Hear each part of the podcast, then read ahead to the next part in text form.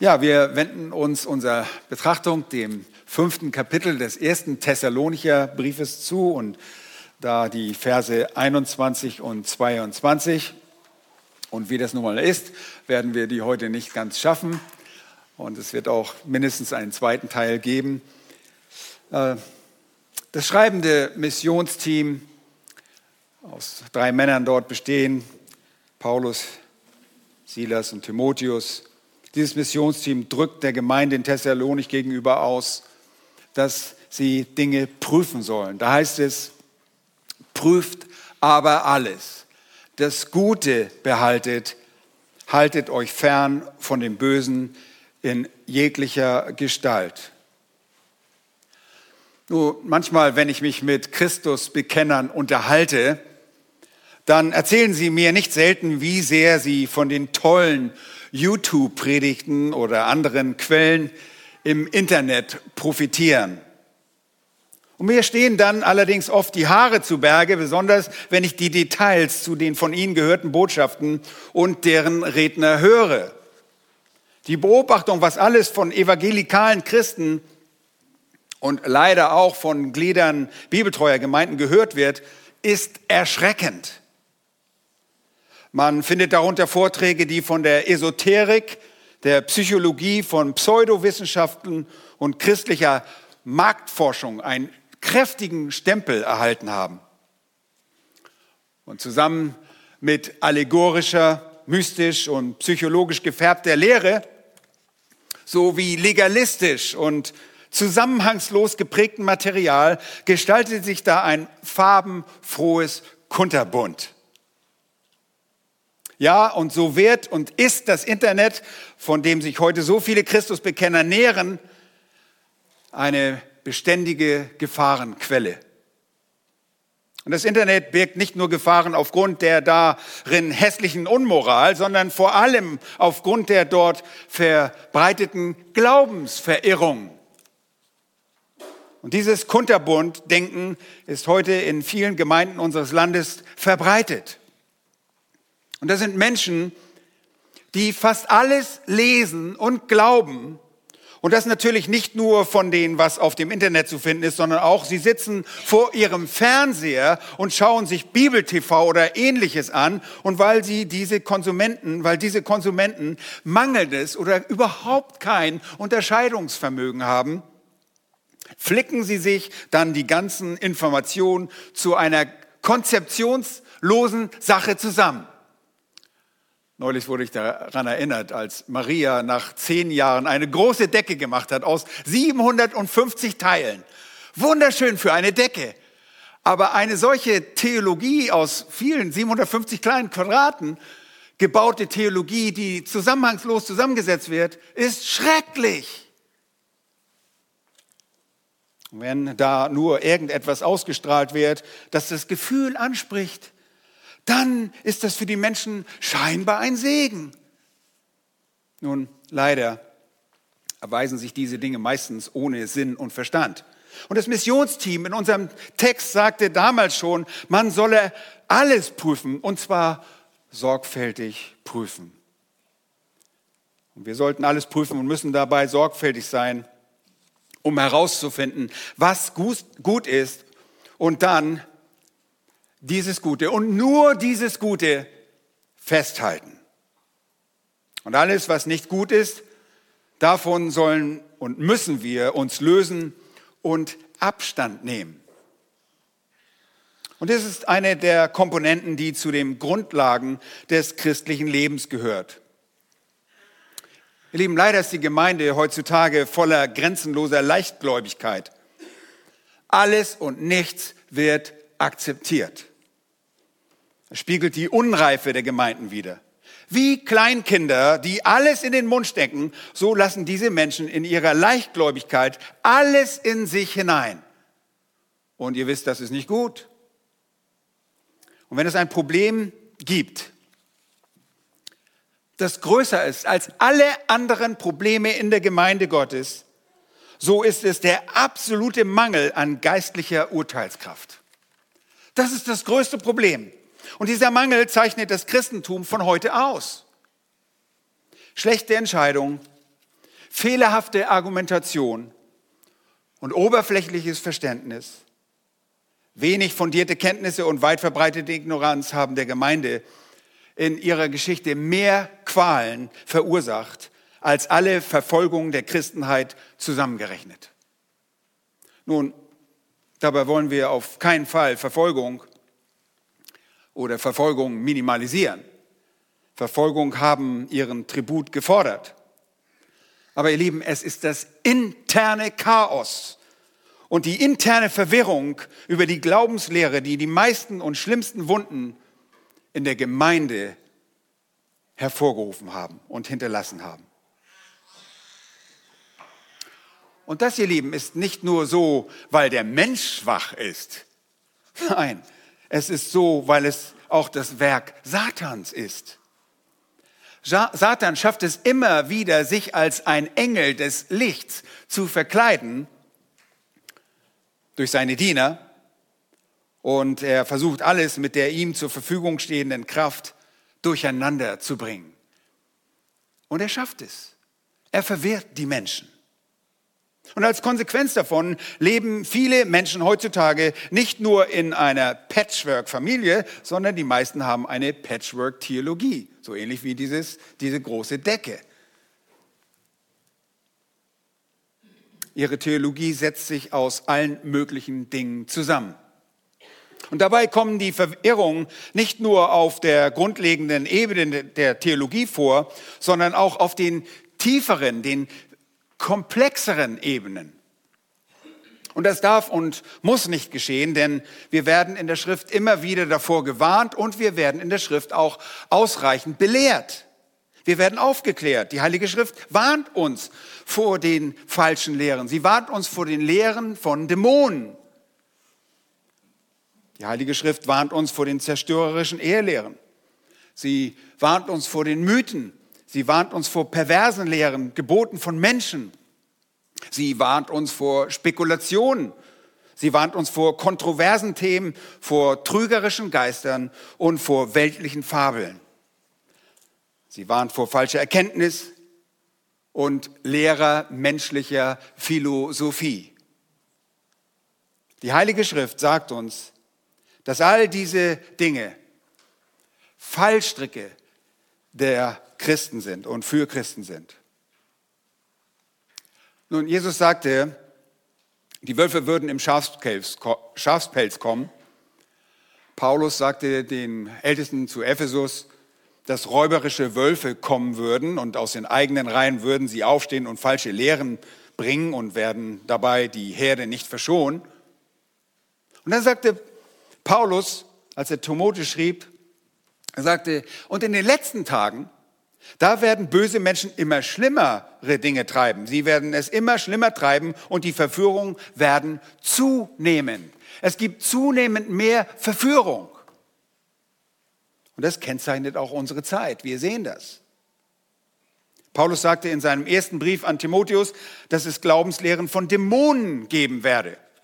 Und ihr müsst euch nicht irgendwelche Geister vorstellen, sondern Menschen wie, wie du und ich, die auf der Kanzel stehen, die sogar sympathisch sind, aber einfach falsche Lehre verkündigen. Tatsächlich herrscht Chaos.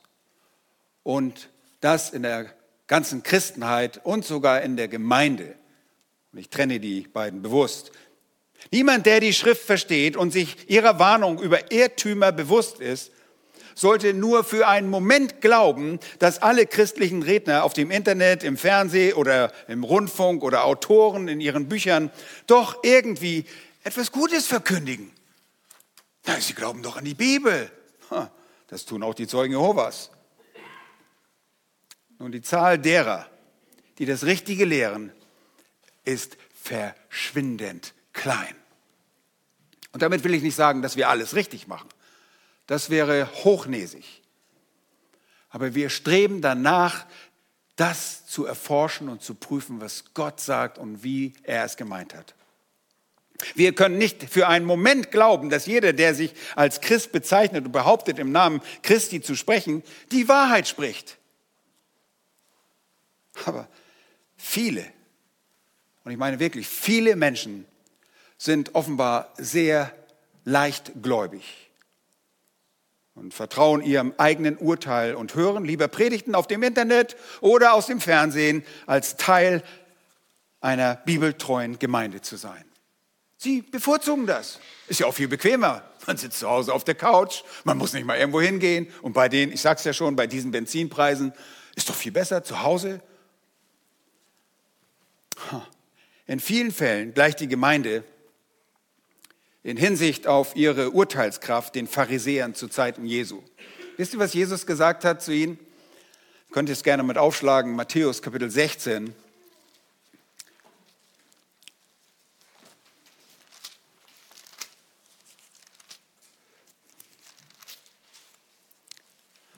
Da sagte er Vers 1, und die Pharisäer traten herzu, Matthäus 16, Vers 1,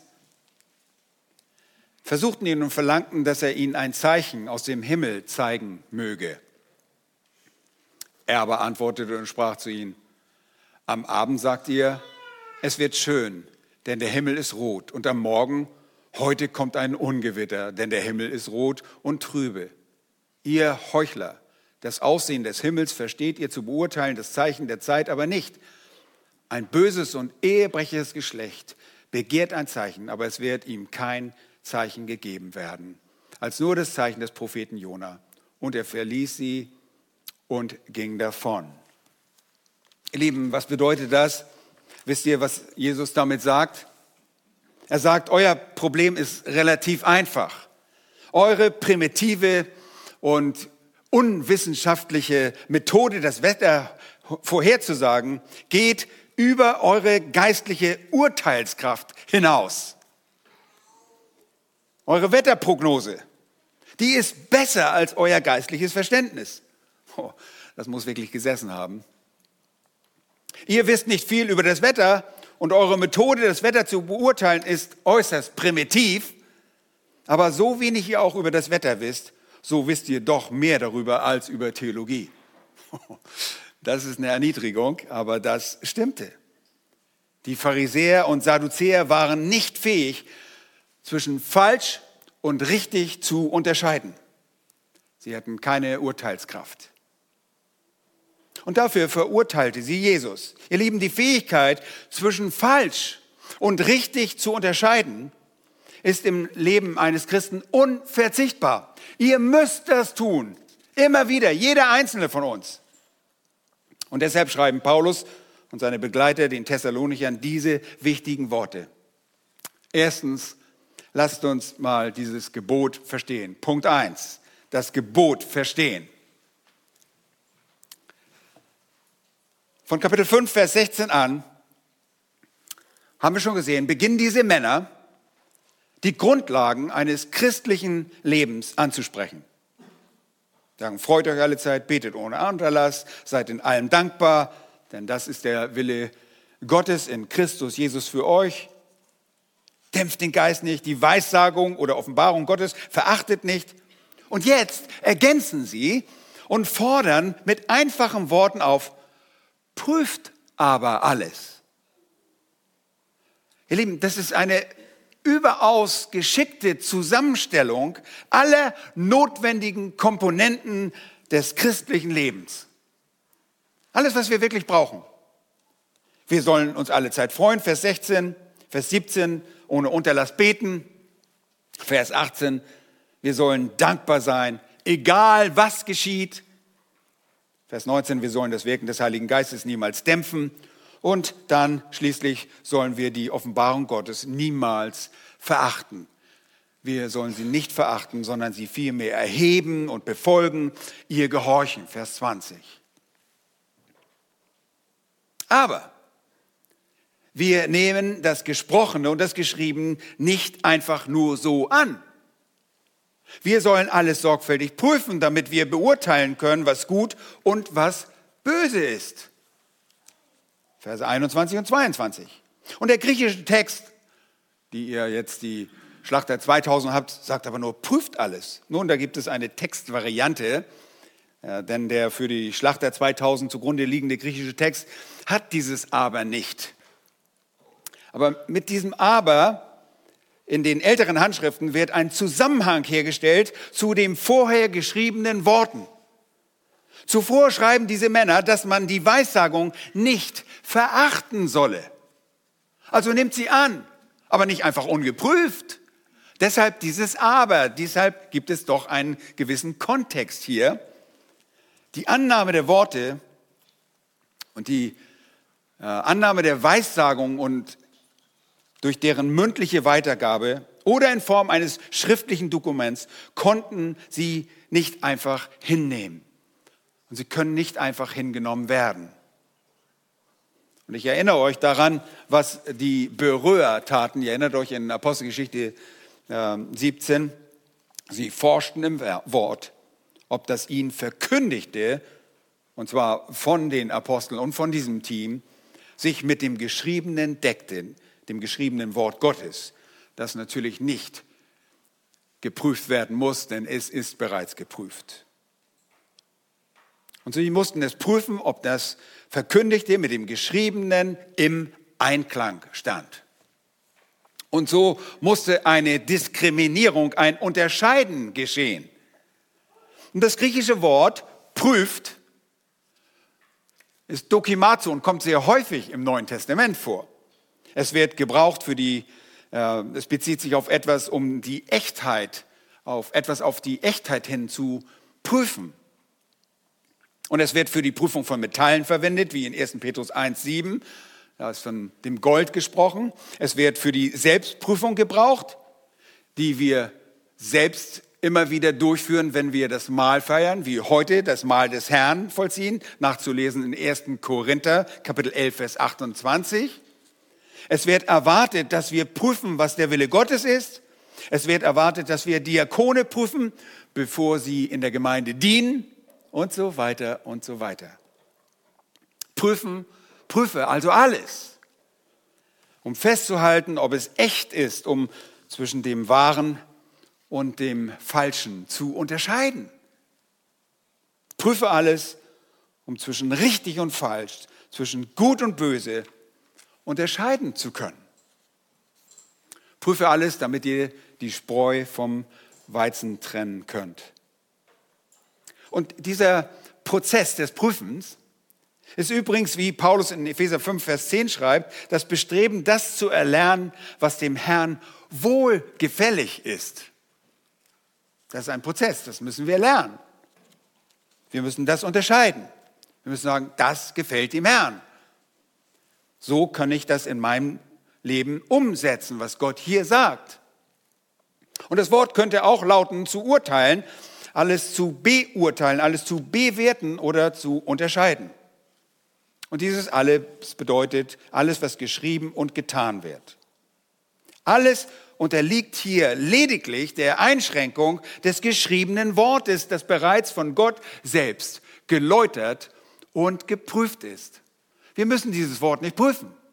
Es ist die Wahrheit. Dieses Wort ist die Wahrheit. Wir haben nicht die Fähigkeit, dieses Wort auf Wahrheit zu prüfen, weil es die Wahrheit ist. Und Gott hat es gesagt, dass es die Wahrheit ist. Aber sonst ist es notwendig, dass wir das Gesprochene, die Predigten und Lehren durch Verkündiger und die geschriebenen Erklärungen, Bücher christlicher Autoren prüfen. Ihr seid ständig dabei zu prüfen.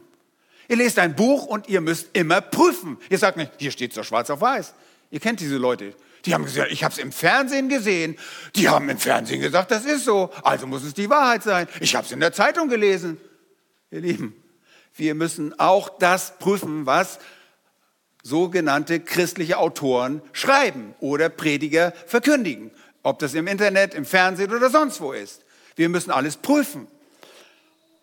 Es ist keine Garantie, wenn jemand sagt, ich bin ein Mann Gottes, es ist keine ausreichende Garantie für dessen Richtigkeit beim Sprechen oder Schreiben.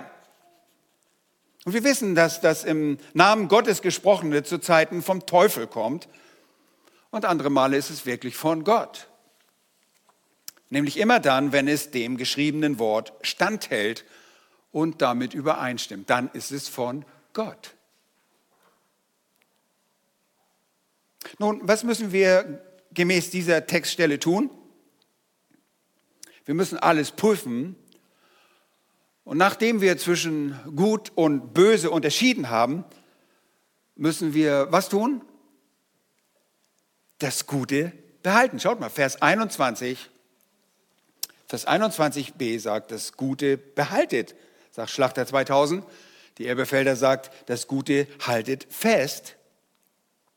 Und behalten und festhalten bedeutet hier umarmen, es umschlingen und einfach Besitz davon ergreifen. Als würde er sagen, das ist meins, das gebe ich nicht wieder her. Das ist diese Einstellung. Das Gut ist das Wort, das griechische Wort kalos. Es bedeutet auf das, was es bedeutet das, was an sich intrinsisch, was äh, wesensmäßig gut ist und was authentisch und was wahr ist. Das ist das Gute, das wir behalten sollen, das wir ergreifen sollen.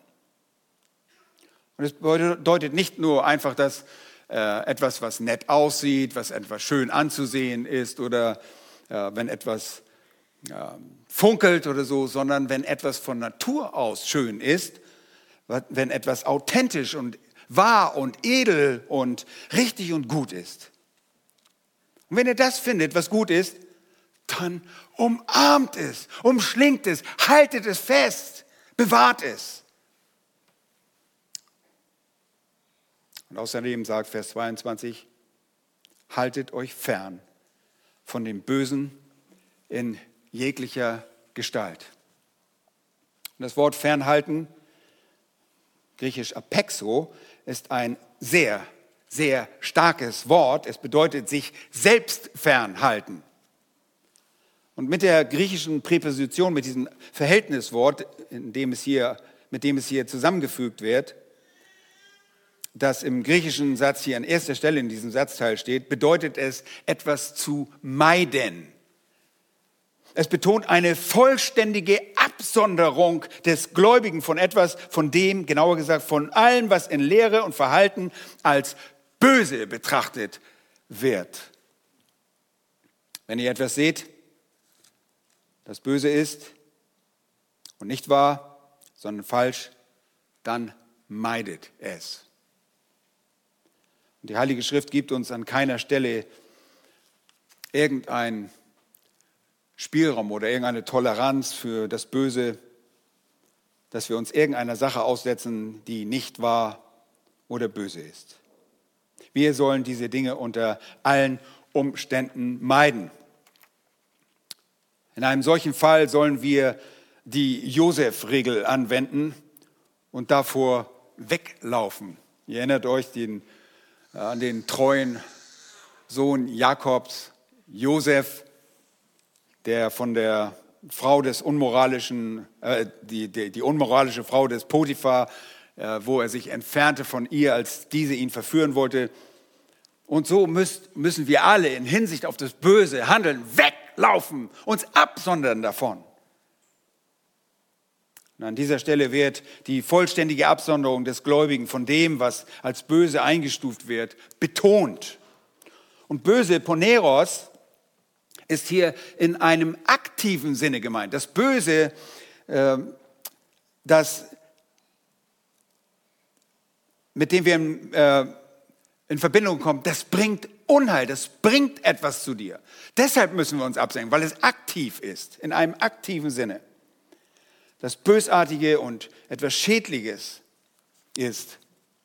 Das Böse ist giftig, es ist verderblich, es ist unheilvoll, ja, gar tödlich. Und deshalb haltet euch davon fern, wie ihr euch von einer wahren Pest fernhalten wolltet. Und ich rede nicht von Corona. Also ich rede von einer wahren Pest fernhalten würdet. Nun, ein Kommentator sagte einmal sehr zutreffend, dass die schlimmsten Formen der Bosheit Perversionen der Wahrheit und geistliche Lügen sind, obwohl viele Menschen heutzutage diese Form mit Gleichgültigkeit und als relativ harmlos betrachten. Es sind die geistlichen Perversionen, die gefährlich sind und am gefährlichsten sind. Natürlich, das Wort böse beinhaltet auch moralische Perversion. Sie ist schlimm und zerstört unter anderem das Glaubensleben. Aber, aber ihr Lieben, der Kommentator hatte recht.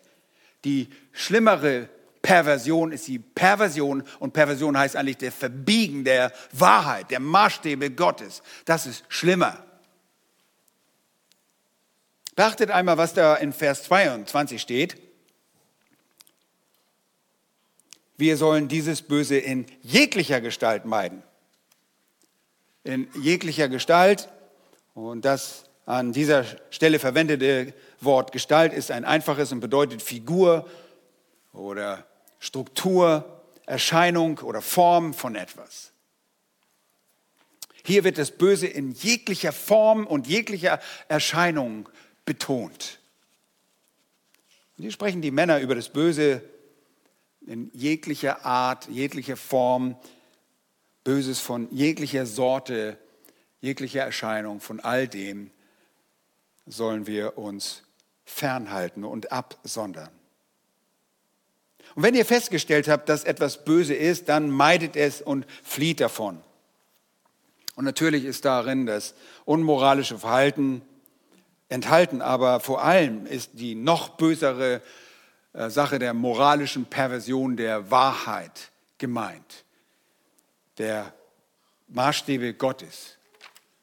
Denn wenn die verdreht sind, dann kann man auch nicht entsprechend leben, nicht entsprechend richtig leben. Und bei dieser Aussage hier geht es primär um die Perversion von Wahrheit, die durch Weissagung an uns herangetragen werden. Wir haben Weissagung äh, erklärt. Äh, das ist das Wort Gottes, das uns weitergegeben wird, entweder in geschriebener oder in gesprochener Form. Aber wenn die verdreht werden, diese Wahrheiten, wenn die Wahrheit verdreht wird, ist das die größte Perversion. Und der knappe Kontext hilft uns hier also doch weiter. Für uns wird das damit ein Gebot zu einer akribischen gründlichen Prüfung. Woher wissen wir das? Weil ein einfaches Prüfen zu Irrtümern geführt hat. Die Geschichte allein lehrt uns das. Wir können nicht einfach über die Bibel hinüberfliegen.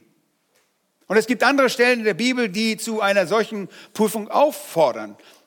Viele solcher Aussagen stammen von dem Apostel Paulus, denn er wusste allzu gut, wie wichtig es ist, eine starke Urteilskraft und Verurteilsvermögen zu besitzen, dass wir das Gute und das Böse sauber voneinander trennen.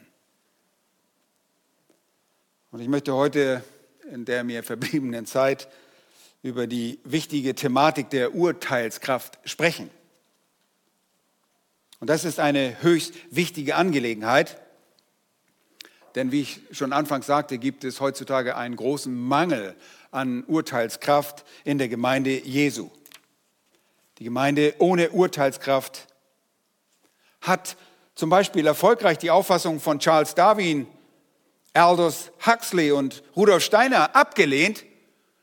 Und einige von euch kennen die nicht, vielleicht kennt ihr noch Charles Darwin, aber die Ansichten von Sigmund Freud, den dürftet ihr wieder kennen, oder Alfred Adler, jedoch haben sie immer wieder akzeptiert. Diese großen äh, Sterne am Himmel der Psychologie. Außerdem hat die Gemeinde vielerorts biblische Lehre verachtet, stattdessen aber auf Beziehung gebaut. Und diese Betonung auf Beziehung hat sie in viele, äh, vielen Kreisen immer noch. Sie strebt nach Beziehung, als, als wenn Beziehung die größte Priorität in der Gemeinde wäre. Das ist sie nicht. Natürlich haben wir Beziehung, aber das ist nicht die Priorität. Die Priorität ist die Wahrheit. Dazu ist die Gemeinde fasziniert von Entertainment, findet aber die Bibelauslegung langweilig. Sie ist gefesselt von Gefühlen. Wenn du heute gefühlst oder in vielen Gemeinden heute Leute, oh, das hat sich so gut angefühlt. Ja, was hast du denn gelernt? Weiß nicht, aber es hat sich gut angefühlt. Das ist schlecht. Ja, das ist Daniel, kennst du das auch, wenn dir hinterher jemand sagt, Mensch, du hast eine gute Predigt, ja, ich fühle mich jetzt viel besser und so. Ja, was, was hat denn das ausgelöst?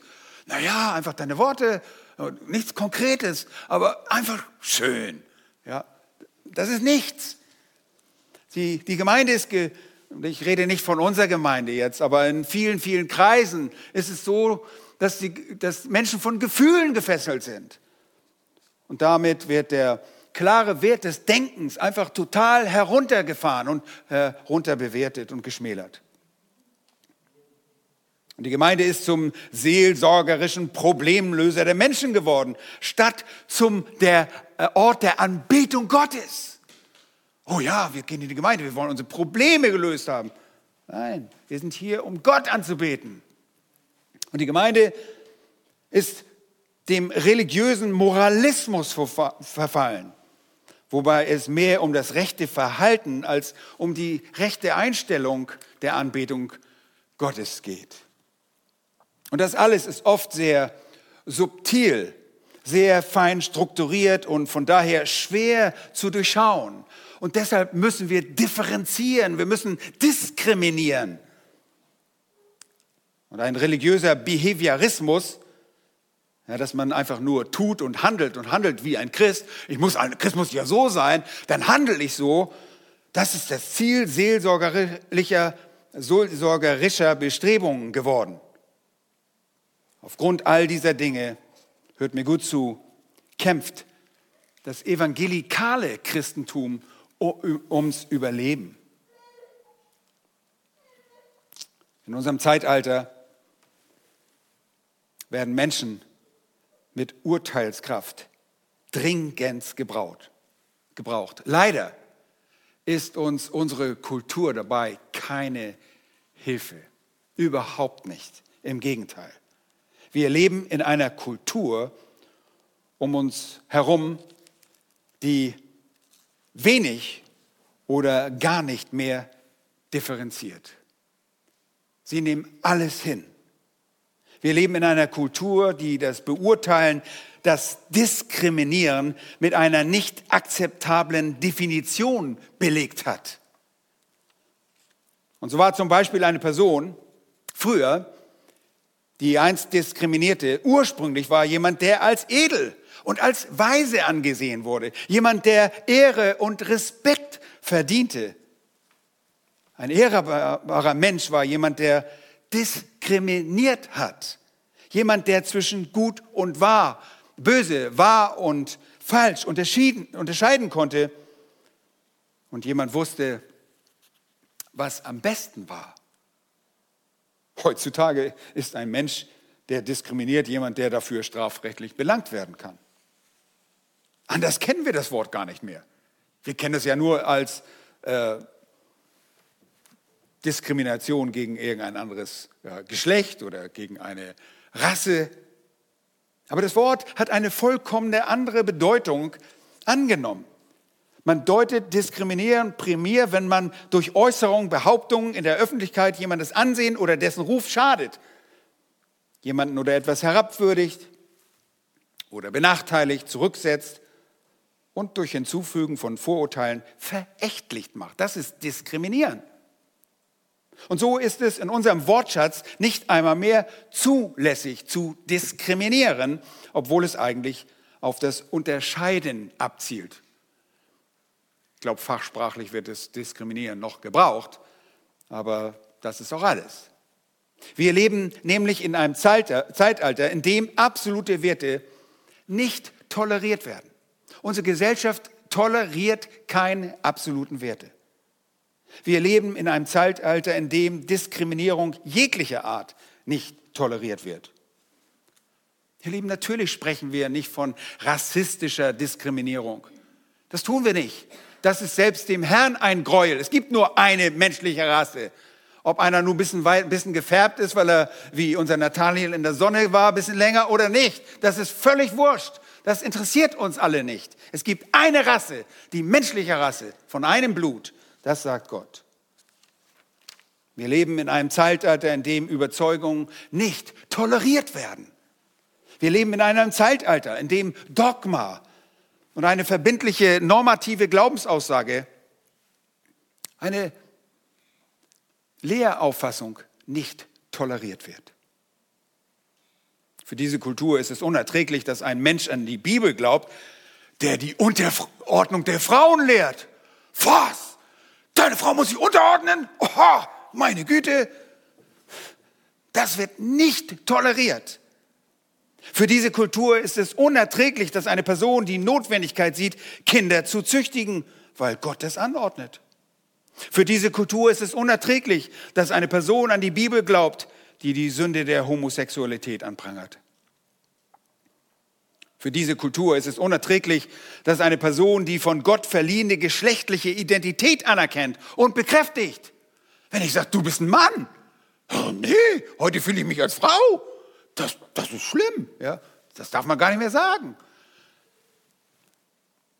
Für diese Kultur ist alles unerträglich, was irgendwie nach einem absoluten Wert riecht. Und das alles und viele mehr, vieles mehr ist in unserer Kultur unerträglich. Und das bezieht sich auf jede und andere Ansicht, denn wir leben in einem Zeitalter, in dem nichts gegen nichts, absolut nichts diskriminiert oder unterschieden, unter, äh, unterscheiden entschieden werden darf. So war das ja. Und so lebt die Gemeinde in einem Umfeld einer nicht diskriminierenden Gesellschaft, nicht unterscheidender Gedanken. Wir stellen fest, dass unsere eigenen gemeindeinternen Probleme dadurch nachhaltig beeinflusst werden. Ihr Lieben, die Gemeinde darf nicht zum Opfer eines gottlosen Zeitalters werden. Aber genau das ist sie geworden. Und der Denkstempel dieser Kultur färbt sich maßgeblich auf die Gemeinde ab. Und es gibt nur eine Lösung. Wir müssen uns für Gott heiligen. Wir müssen uns für ihn absondern. Und ich möchte euch eine wichtige Frage stellen und die heute Nachmittag nur kurz anreißen und sie beim nächsten Mal ausführlicher beantworten. Aber zunächst einmal, und das ist Punkt zwei, Gründe für die mangelnde Urteilskraft ansehen. Und die Frage, die wir damit beantworten, lautet, warum gibt es überhaupt so einen Mangel an Urteilskraft in der Christenheit? Und lass mich hinzufügen, in der Gemeinde Jesu. Warum gibt es sie in der Gemeinde? Und ich habe euch gerade gesagt, dass das in der Kultur verbreitet ist. Aber warum gibt es solchen Mangel an Urteilskraft auch in der Gemeinde Jesu Christi? Warum in aller Welt? Und es gibt einige klar erkennbare Gründe dafür, warum es in der Christenheit und in der Gemeinde heutzutage solch einen fürchterlichen Mangel an Urteilskraft, Urteilsvermögen gibt. Und den wichtigsten Grund möchte ich euch natürlich auch zuerst nennen. Und das ist erstens die schwindende Klarheit in der biblischen Lehre und in den Überzeugungen. Schwindende Klarheit in biblischer Lehre und den Überzeugungen. Das ist der erste Grund, warum es so einen schrecklichen Mangel an Urteilskraft in der Gemeinde gibt. Ihr Lieben, es gab in der Vergangenheit wesentlich bessere Zeiten in der Geschichte der Gemeinde, als Christen ermutigt wurden, biblisch zu denken. Und wir können das sehr gut nachverfolgen. Wir kennen die Kirchengeschichte. Pastoren, Pastoren ermutigten ihre Schäflein immer zu theologischem Denken, immer richtig zu denken über Gott, alles zu prüfen die Bibel gründlich zu erforschen und ihre Wahrheiten sorgfältig zu unterscheiden.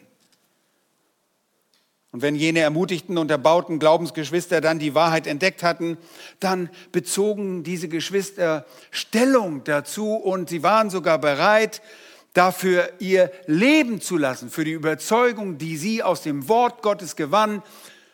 Für die standen sie auf. Für die wurden sie sogar mitunter Märtyrer. Heute werden all jene, die eine klare Stellung zu der biblischen Lehre beziehen, häufig aufs Allerschärfste kritisiert. Und wenn wir Stellung beziehen, dann beschuldigt man uns der Haarspalterei und lieblos zu sein. Lieben, es ist heute leider in christlichen Kreisen üblich, faul und oberflächlich zu sein. Absolut faul und oberflächlich. Und das ist nicht nur bei denen zu finden, die auf der Kanzel stehen und dort verkündigen, obwohl es damit beginnt. Nein, biblische Wahrheiten werden lediglich angestarrt, angehört und dabei bleibt es. Und man überfliegt sie, als hätte man ein Getränk getrunken, das einem äh, Schwingen verleiht, um nicht zu deutlich zu sein und hier nachher eine Werbeklage am Hals zu haben. Die nicht verborgene Oberflächlichkeit wird dann als erstrebenswerte geistliche Großzügigkeit gewertet. Oh, der ist ja so tolerant. Wie wunderbar.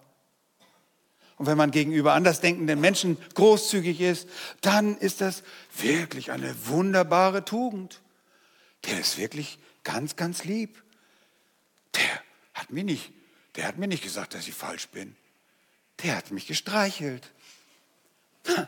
Und man ist dann stolz auf diese scheinbar geistliche Toleranz. Das ist keine Toleranz.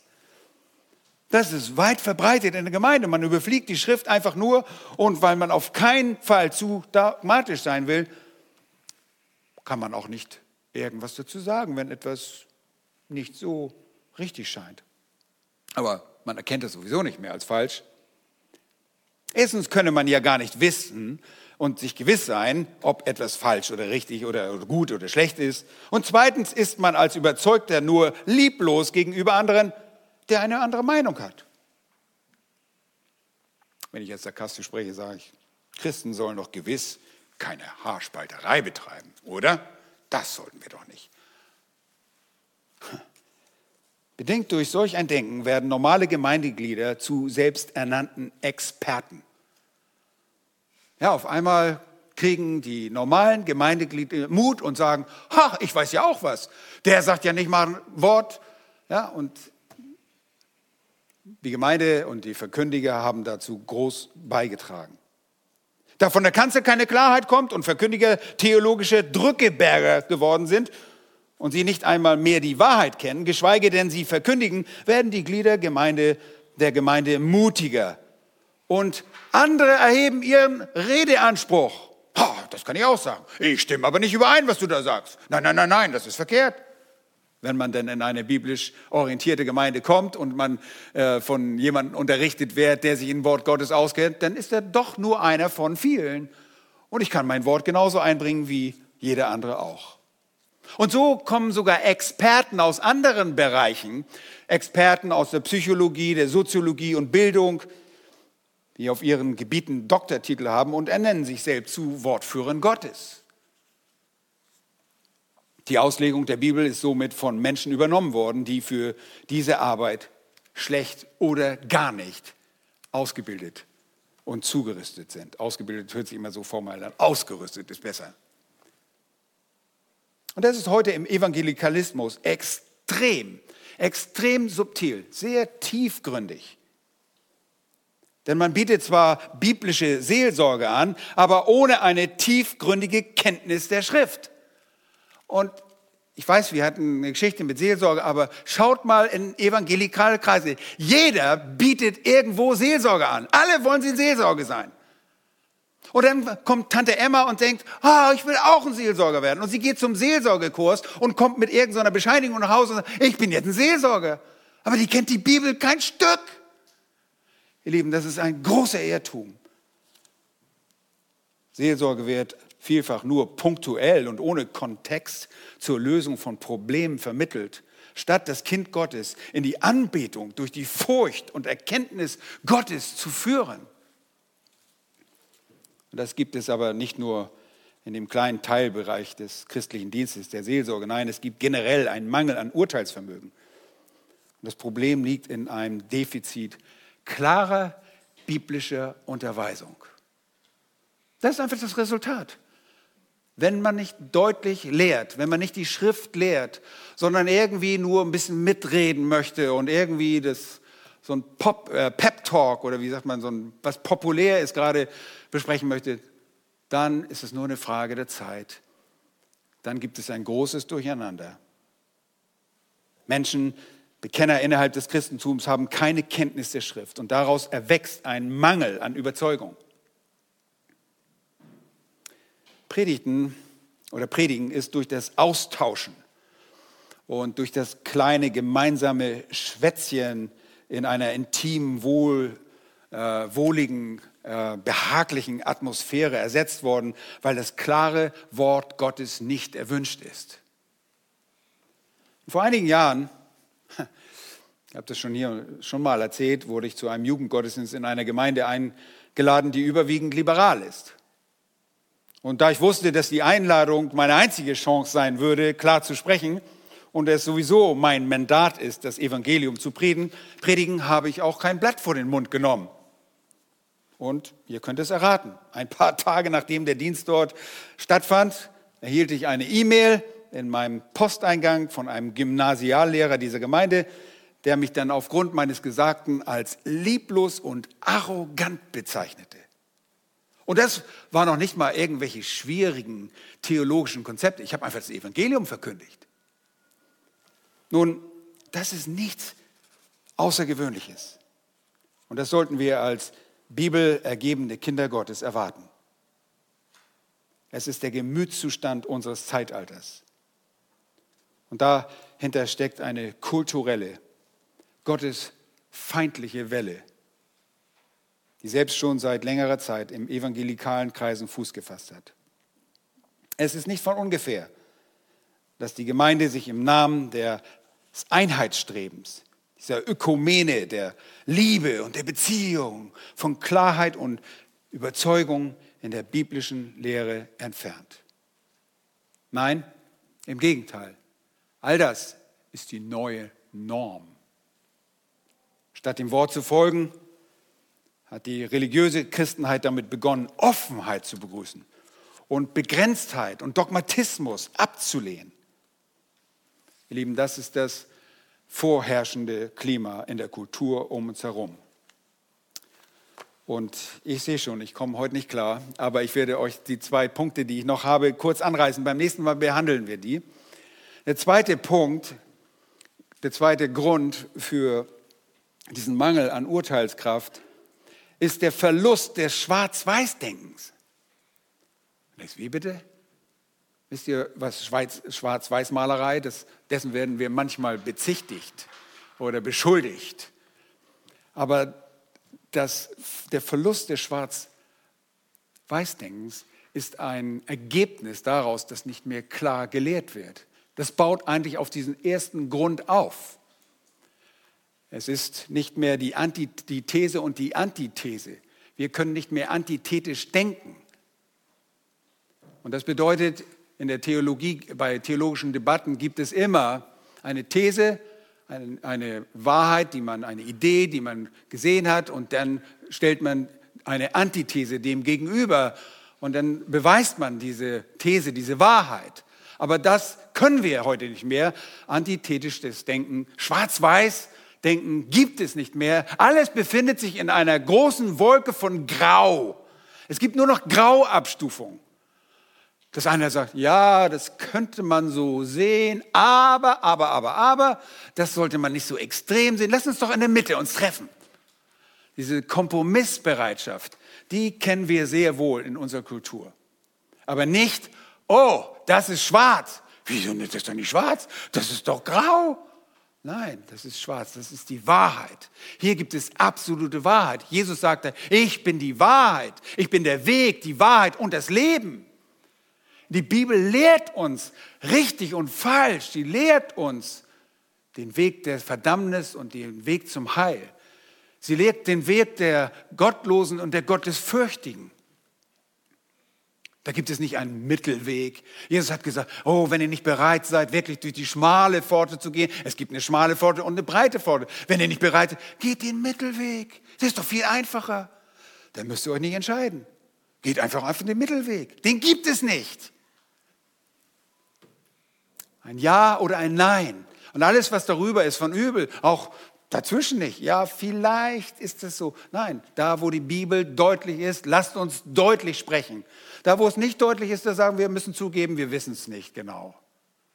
Da müssen wir ehrlich genug sein. Aber dieser Verlust des Schwarz-Weiß-Denkens ist tödlich für das geistliche Leben einer Gemeinde. Wo wir nicht sagen dürfen, so geht es nicht. Dies ist die Wahrheit und deshalb verfolgen wir diesen Weg der Wahrheit. Und wie ihr sicherlich versteht, muss ein Prüfer immer mehr wissen als derjenige, der geprüft wird. In der Regel, oder? Wenn du einen Fahrschullehrer hast, der die Regeln nicht kennt, schlecht, oder? Und du musst so sein wie dieser Fahrschullehrer. Nun, das ist noch relativ einfach, sagt er. Das ist auch wirklich einfach im Vergleich. Aber die Bibel muss geprüft werden von solchen, die die Bibel kennen. Und deshalb ist es eure Aufgabe, die Bibel kennenzulernen. Dann kannst du sagen, oh, das ist schwarz, das ist verkehrt und das ist richtig. Und so wirst du selbst anfangen, wieder ganz klar zu denken und schwarz-weiß Dinge zu sehen. Lese, mag ich da etwas näher drauf an. Drittens, der dritte Grund ist die Überzeugung, ist die Überzeugung, dass Image und Einfluss der Schlüssel zur Evangelisation von Menschen ist. Der dritte Grund, warum es heutzutage so mangelt an der Urteilskraft in der Christenheit, ist die Überzeugung, dass Image und Einfluss der Schlüssel zur Evangelisation von Menschen ist. Was bedeutet das? Nun, wir leben in einer Kultur, in der wir möglichst nicht anecken wollen. Wir wollen ihnen liebsam begegnen. Wir wollen etwas für diese Kultur tun, damit sie uns lieb gewinnen, damit sie sehen, was für tolle und liebe Menschen wir sind. Wir machen etwas Soziales, vielleicht eine Suppenküche auf. Und dadurch, dass wir Suppen austeilen, kommen die Leute uns in die Gemeinde. Und weil sie die Suppe so gerne schlucken, werden sie sicherlich auch das Evangelium schlucken weil sie uns ja so gerne mögen. Das Denken ist sehr weit verbreitet. Die Bibel lehrt etwas ganz anderes. Sie lehrt nicht, mach lieb Kind mit den Menschen, sondern diese Bibel verkündigt das Evangelium und das Evangelium fängt nicht mit der Liebe Gottes an. Das Evangelium fängt mit dem Zorn Gottes an. Ihr Lieben, Menschen müssen zuerst die schlechte Nachricht hören. Sonst ist die gute Nachricht keine gute Nachricht. Nun, vor vielen Jahren, in meiner Jugend, war die vier geistlichen Gesetze von Campus Crusade für Christus international. Bill Bright, kennen einige vielleicht noch von euch, kam mit diesen vier Gesetzen. Das erste war, Gott hat einen Plan für dich in deinem Leben. Er liebt dich und hat einen Plan für dich im Leben. Ihr Lieben, das ist nicht das richtige Evangelium. Das richtige Evangelium beginnt damit, dass wir sagen, du lebst in Sünde und Gott ist zornig. Und zwar nicht zornig, so wie wir zornig sind, dass wir Gewaltausbrüche haben, sondern ein determinierter, ein vorhersehbarer Zorn gegen die Sünde, der noch bestehen wird in der ewigen Verdammnis, in der ewigen Hölle. Da fängt das Evangelium an, die Botschaft des Evangeliums. Und das können wir sehr deutlich nachlesen im Römerbrief, Kapitel 1. Paulus fängt nicht damit an, dass er sagt, das Evangelium ist, Gott liebt alle, kommt alle her, die ihr mühselig und besagen, ich werde euch jetzt einfach heilen. Nein, ihr müsst erkennen, wo ihr seid. Ihr lebt in Sünde. Ihr seid getrennt von Gott. Und der Zorn Gottes wird geoffenbart gegen alle Gottlosigkeit der Menschen. Wisst ihr, dass das Gericht Gottes bereits jetzt schon über die gottlosen Menschen ergeht in dieser Kultur? Er hat sie dahingegeben. Er lässt sie machen. Er sagt, macht durch. Das ist Gericht Gottes. Er hat sie sich selbst überlassen. Komischerweise glaubt die Gemeinde, wir müssen dieser, dieser Welt alles lieb machen. Wir müssen uns irgendwie musikalisch anpassen. Wir müssen rumtanzen und rumhopsen. Wir müssen Rockmusik in der Gemeinde haben, damit die, Gemeinde, die, die Welt uns toll findet. Nein, sie müssen das geschriebene Wort hören, dass sie Sünder sind. Und wenn du kein Kind Gottes bist, dann solltest du dich fürchten. Du solltest dich sehr fürchten. Denn der Zorn Gottes ist noch über deinem Leben. Im Alten Testament wird es so beschrieben, Das, das ist mein Taufspruch übrigens, Sprüche 1, Vers 7, des Herrn Furcht ist Anfang der Erkenntnis. Wenn du dich nicht vor Gott fürchtest, dann bist du vielleicht noch gar nicht gläubig.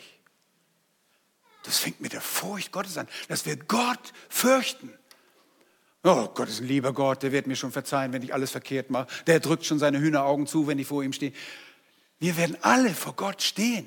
Und Gott wird nicht einfach nur seine Augen zudrücken und sagen, ich vergebe dir. Ja, ist nicht so schlimm. Da gibt es noch viel Schlimmere als dich.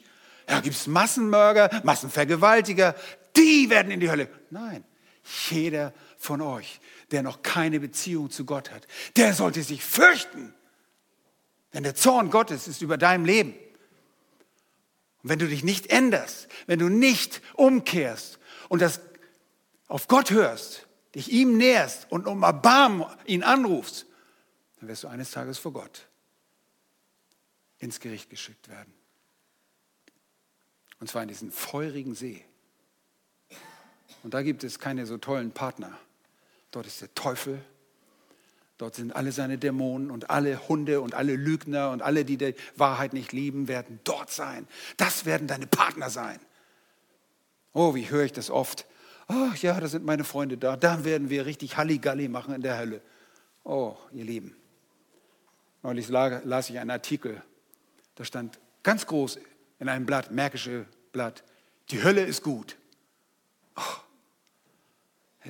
das ist die Verführung, in der wir stehen, nicht nur gesellschaftlich, sondern das schwappt so über, dass wir einfach nur denken, ja, Gott wird schon gut sein, der wird mir vergeben. Ihr Lieben, das ist der dritte Grund, dass wir denken, Gott ist gut und er macht einfach nur alles gut. Er ist gut, das stimmt ja auch, aber nicht getrennt davon, dass er auch der zornige und gerechte Gott ist. Gott ist gut. Ich betone das so oft. Habt ihr das gehört? Psalm 136. Gott ist Tof. Jahwe ist Tof. Er ist gut, sagt der Hebräer. Er ist gut, du ist nur Gott und seine loyale Liebe wäret ewiglich. Das ist wahr. Aber er ist gerecht.